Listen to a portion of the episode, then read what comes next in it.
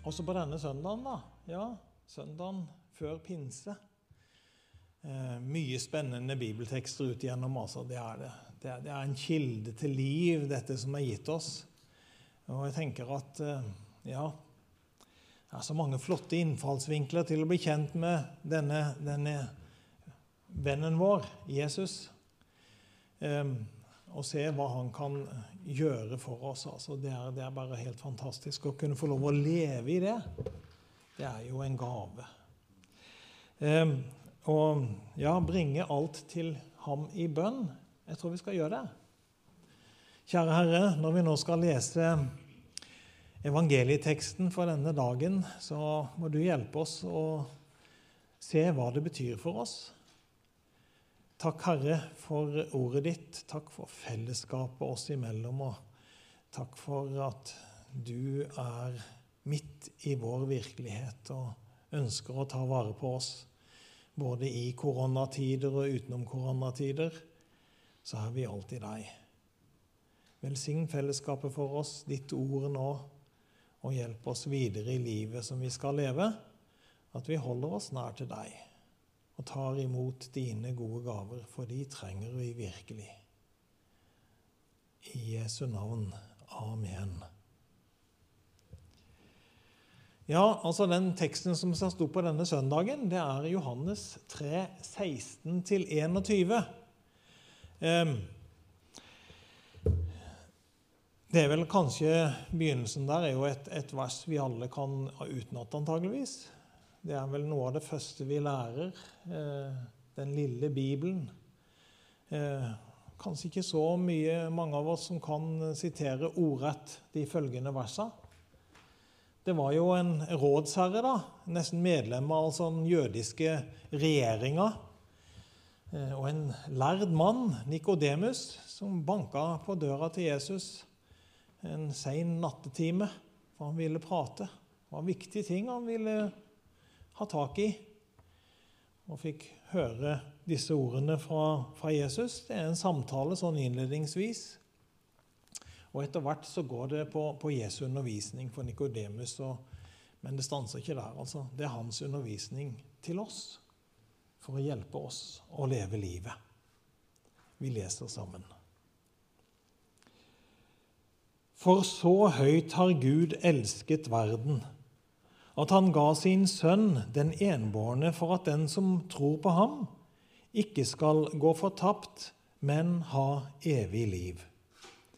Gud sendte ikke sin sønn til verden for å dømme verden, men for at verden skulle bli frelst ved ham. Den som tror på ham, blir ikke dømt. Den som ikke tror, er allerede dømt fordi han ikke har trodd på Guds enbårne sønns navn. Og dette er dommen. Lyset er kommet til verden, men menneskene elsket mørket høyere enn lyset, fordi deres gjerninger var onde. For den som gjør det onde, hater lyset og kommer ikke til lyset, for at hans gjerninger ikke skal bli avslørt. Men den som følger sannheten, kommer til lyset så det skal bli klart at hans gjerninger er gjort i Gud. Slik lyder Herrens ord.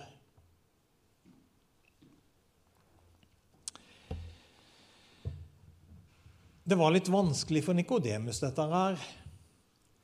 Eh, han fikk høre noe om å bli født på ny som ikke han skjønte bæret av. Kan jeg som en voksen mann komme inn i min mors liv igjen? Og han, han vanskeliggjør det ganske. Så Jesus må liksom ta han litt i lære da, og vise han litt hva dette egentlig er for noe. Og så er dette de siste ordene i undervisningen til Nikodemus den natta. Johannes 3, 16, ja.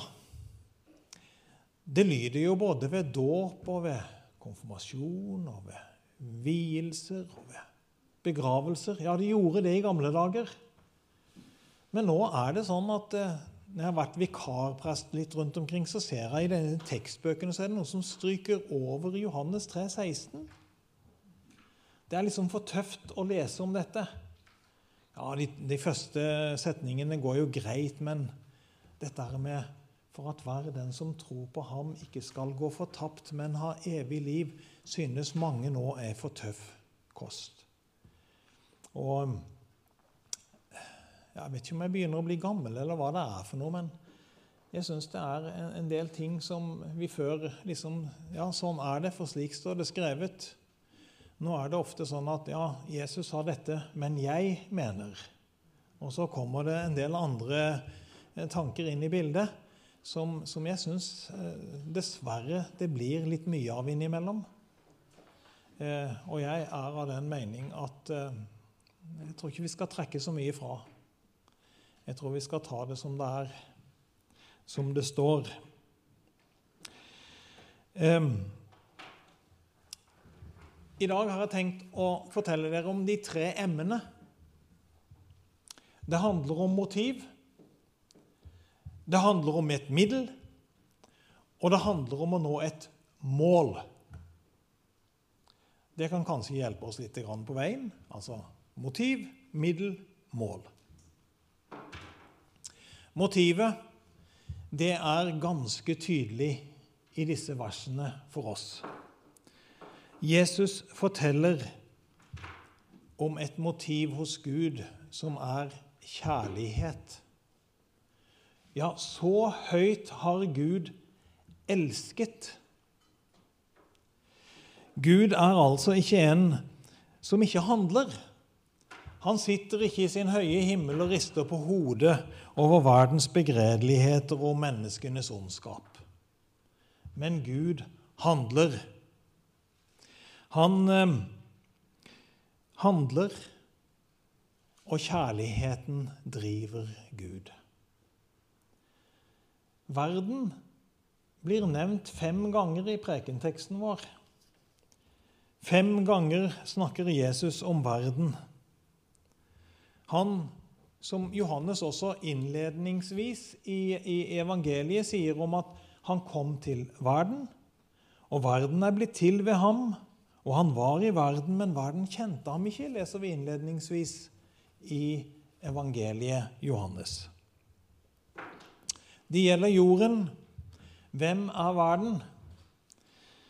Ja, det gjelder alle mennesker til alle tider. Det gjelder Eva, Jesabel, David, Matteus, Judas, og Barabas, Kari og Ola Når Jesus snakker om verden, så gjelder det du og jeg. Det er oss det handler om. Du og jeg. Vi kjente ham ikke, sier Guds ord. Vi tilhører mørket fordi vi var gladere i mørket enn i lyset. Vi er alle født med ondt begjær, uten gudsfrykt og uten tillit til Gud, sier vi i vår bekjennelsesskrifter i kirka vår.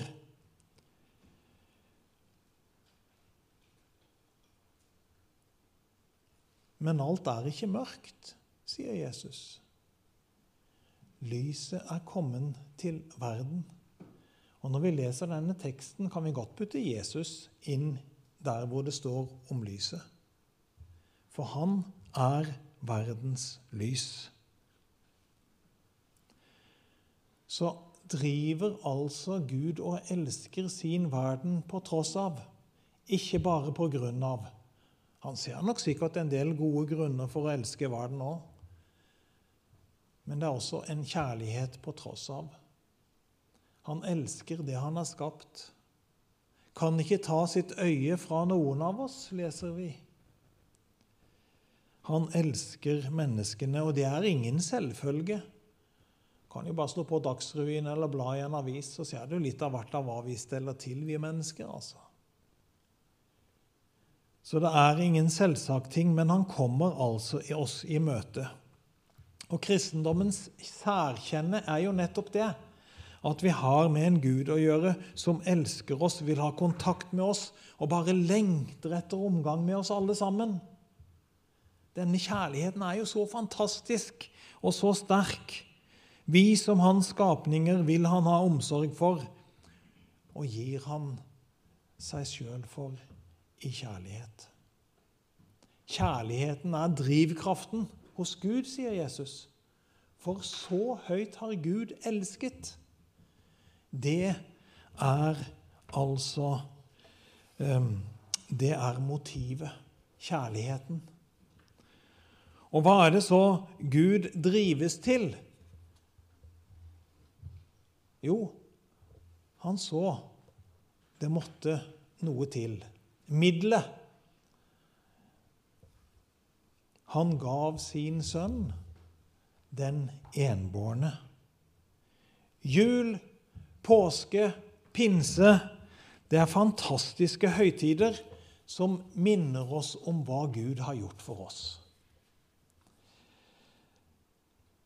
Ja, hele Bibelens vitnesbyrd Det går jo nesten ikke an å bla på et ark i Bibelen uten å se dette samstemte vitnesbyrdet om at Gud vil noe og har gjort noe for oss. Eh, dette enestående frelsesverket, som er rett og slett en mann født under jødiske kår for en 2000 år siden Født i en liten landsby i Nasaret. Oppdratt som en, et jødebarn.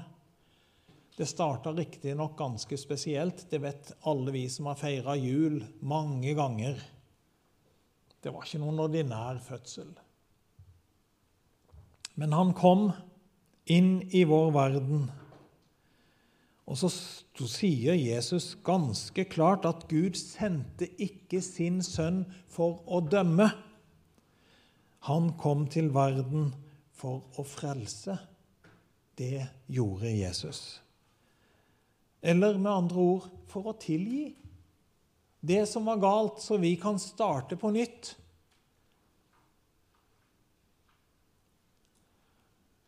Fantastisk det Jesus måtte gå igjennom. Ehm, de skjønte jo at han, var litt ekstraordinær, altså. Ikke bare litt. Når han som tolvåring kommer til tempelet, det husker vi jo, de ble forundra over visdommen til en tolvåring. altså. Og Så gikk det jo noen stille år. Vi hører ikke så mye om oppveksten til Jesus før han blir 30 år, da han går inn i denne tjenesten, treårige tjenesten sin, som mesteparten av evangeliene forteller om. Da skjer det saker og ting som ender med at han sier 'det er fullbrakt'. Alt som skal gjøres, er gjort. Kjærligheten seira. Middelet virker. Medisinen er her. Fantastisk. Og da er det at målet faktisk kan nås og er nådd. Motivet, kjærligheten, drev Gud til et virkemiddel, et middel, for å frelse oss alle. Slik at målet hans kan nås. Og det nevnte du jo. Han vil at alle mennesker skal, være, skal lære sannheten å kjenne og bli, og bli frelst. At hver den som tror, ikke skal gå fortapt, men ha evig liv.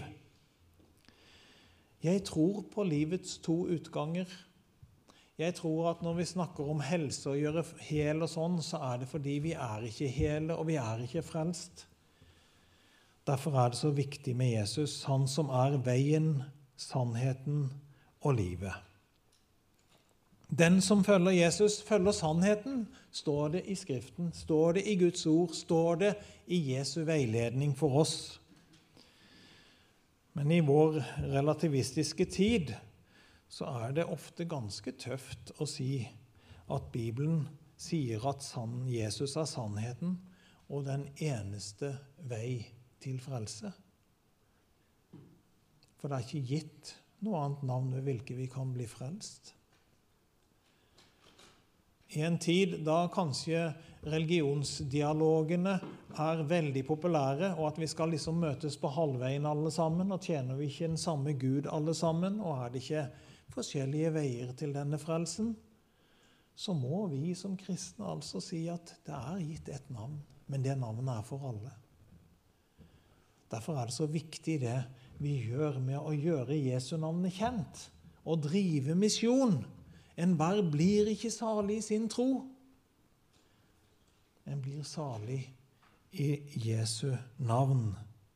Derfor kan vi ikke la dette vitnesbyrdet ligge, selv om det i visse sammenhenger kan være veldig krevende.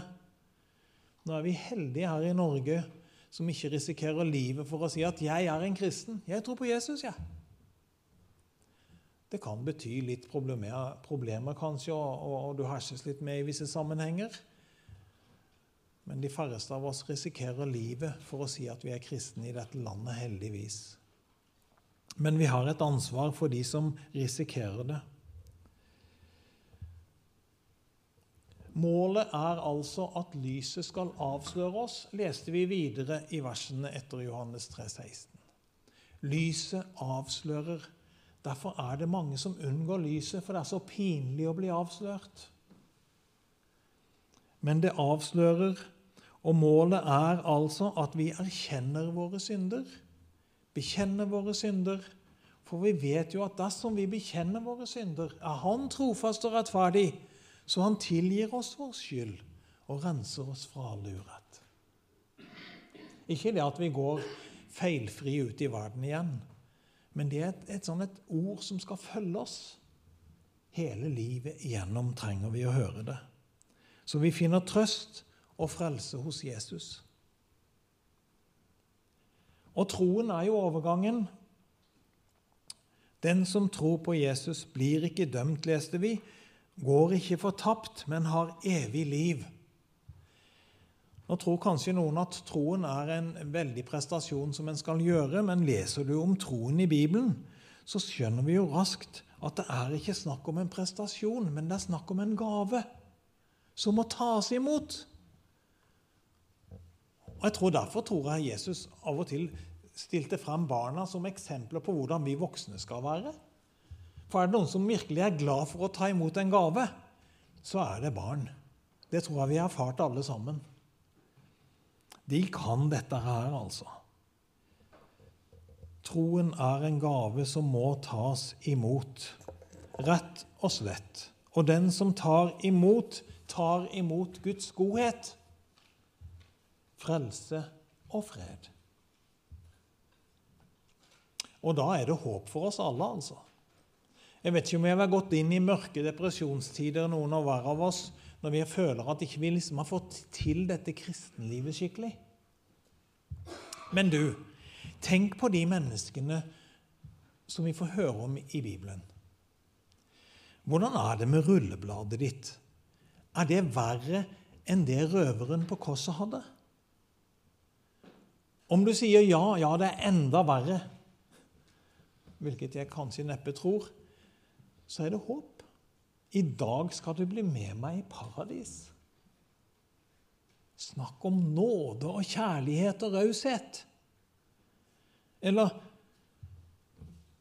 Jeg vet ikke om du har banna noen gang.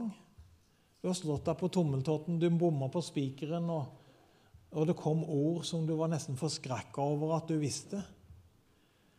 Kanskje har du brukt eh, gloser og greier som du som en kristen ikke, helst ikke skal bruke i det hele tatt.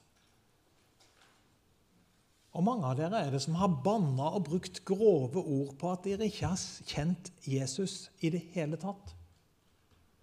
Tenk på Peter på gårdsplassen på langfredagen. Han banna og svor på at han ikke kjente Jesus. Hvem Jesus er det som møter ham? Ferdiggrilla fisk og brød på en strand når han kommer etter en fisketur. Blir tatt imot med åpne armer. 'Peter, elsker du meg?' Snakk om raushet. Har du mobba kristne noen gang? Fortelles om Paulus at han dreiv og irriterte og var ute etter kristne som ungdom. Hang de ut. Men det var håp for Paulus. En dramatisk hendelse Jeg er Jesus, han som du forfølger utenfor Damaskus. Faller til jord og møter nåde og kjærlighet og raushet. En åpen favn. Eller kanskje du har opplevd det som er veldig pinlig, å bli tatt på fersken i et eller annet som du vet du ikke skulle ha gjort. Men vi har jo lest om denne kvinnen som ble grepet i ekteskapsbrudd på fersken, ført fram for Jesus. Loven sier hun skal steines. Sier jo Jesus til at ja, ja, jeg vet det. Den som er uten skyld av dere, kan kaste den første stein. Så går de bort den ene etter den andre. De var kommet inn i lyset og fikk se noe av seg sjøl. At de òg trengte tilgivelse og ny start. Og den eneste som kunne ta opp en stein og kaste, var Jesus sjøl. Men gjør han det?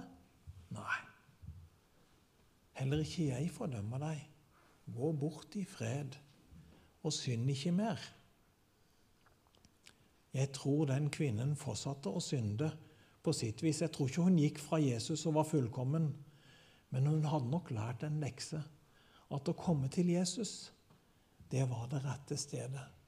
For tilgivelse, ny start, et liv med fremtid og håp. Jeg kjenner ikke alle dere og bakgrunnen deres, men jeg kjenner Jesus etter hvert. Jeg gjør det, selv om jeg har mine spørsmål og litt av hvert der òg. Det er en historie jeg tenker av og til på og har tenkt på i det siste. Det var når de kom til Jesus med en lam. Og alle var spent, for de hadde jo hørt at han gjorde under. Hva er det Jesus gjør? Han sier til den lamme, 'Dine synder er deg forlatt. Du er tilgitt.' Så sier han ikke mer.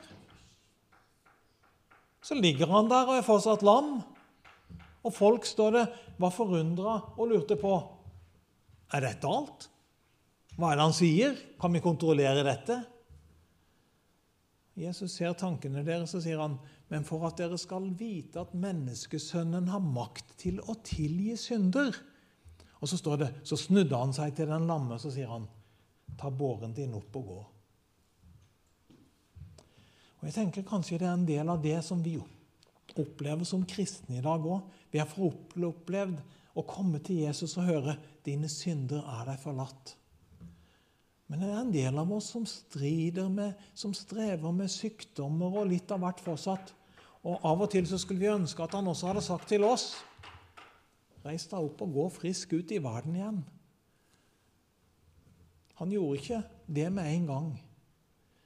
Vi har et løfte om at en gang skal alt restitueres. Men underveis på dette så må vi kanskje ligge litt lenger enn den lamme lå på båra, og streve med våre ting i denne verden. Men Jesus er trofast, og han er der hos oss. Og jeg håper vi får holde ut med det vi strever med i denne verden. Men en dag så er strevet vårt over. For Gud elsket oss så høyt. Motivet at han sendte sin sønn til verden. Middelet virker, venner, for at hver den som tror på ham, ikke skal gå fortapt, men ha evig liv. Du er elsket av Gud. Frelsesaksjonen hans er gjennomført. Derfor er det håp for fortapte sønner og døtre også i dag. Han tar imot oss, rekker sine hender mot oss og inviterer, og det er alvorlig ment. Han vil ha som sine. Og hver den som tror på ham, skal ikke gå fortapt, men ha evig liv. Så lev i lyset. La oss hjelpe hverandre til det. Og det betyr altså å leve våre liv slik at vi ser at vi trenger Jesus. Han er på vårt parti. Herre, takk for ditt ord. Hjelp oss å leve i din nærhet. Om du oppleves fjern, Herre, hvem er det som har fjerna seg? Hjelp oss å komme deg i møte. Takk, Herre, for frelse, fremtid og frihet. Amen. Takk for at du ville lytte til denne podkasten fra Verningen bedehus. For mer informasjon om vår forsamling, besøk vbh.no.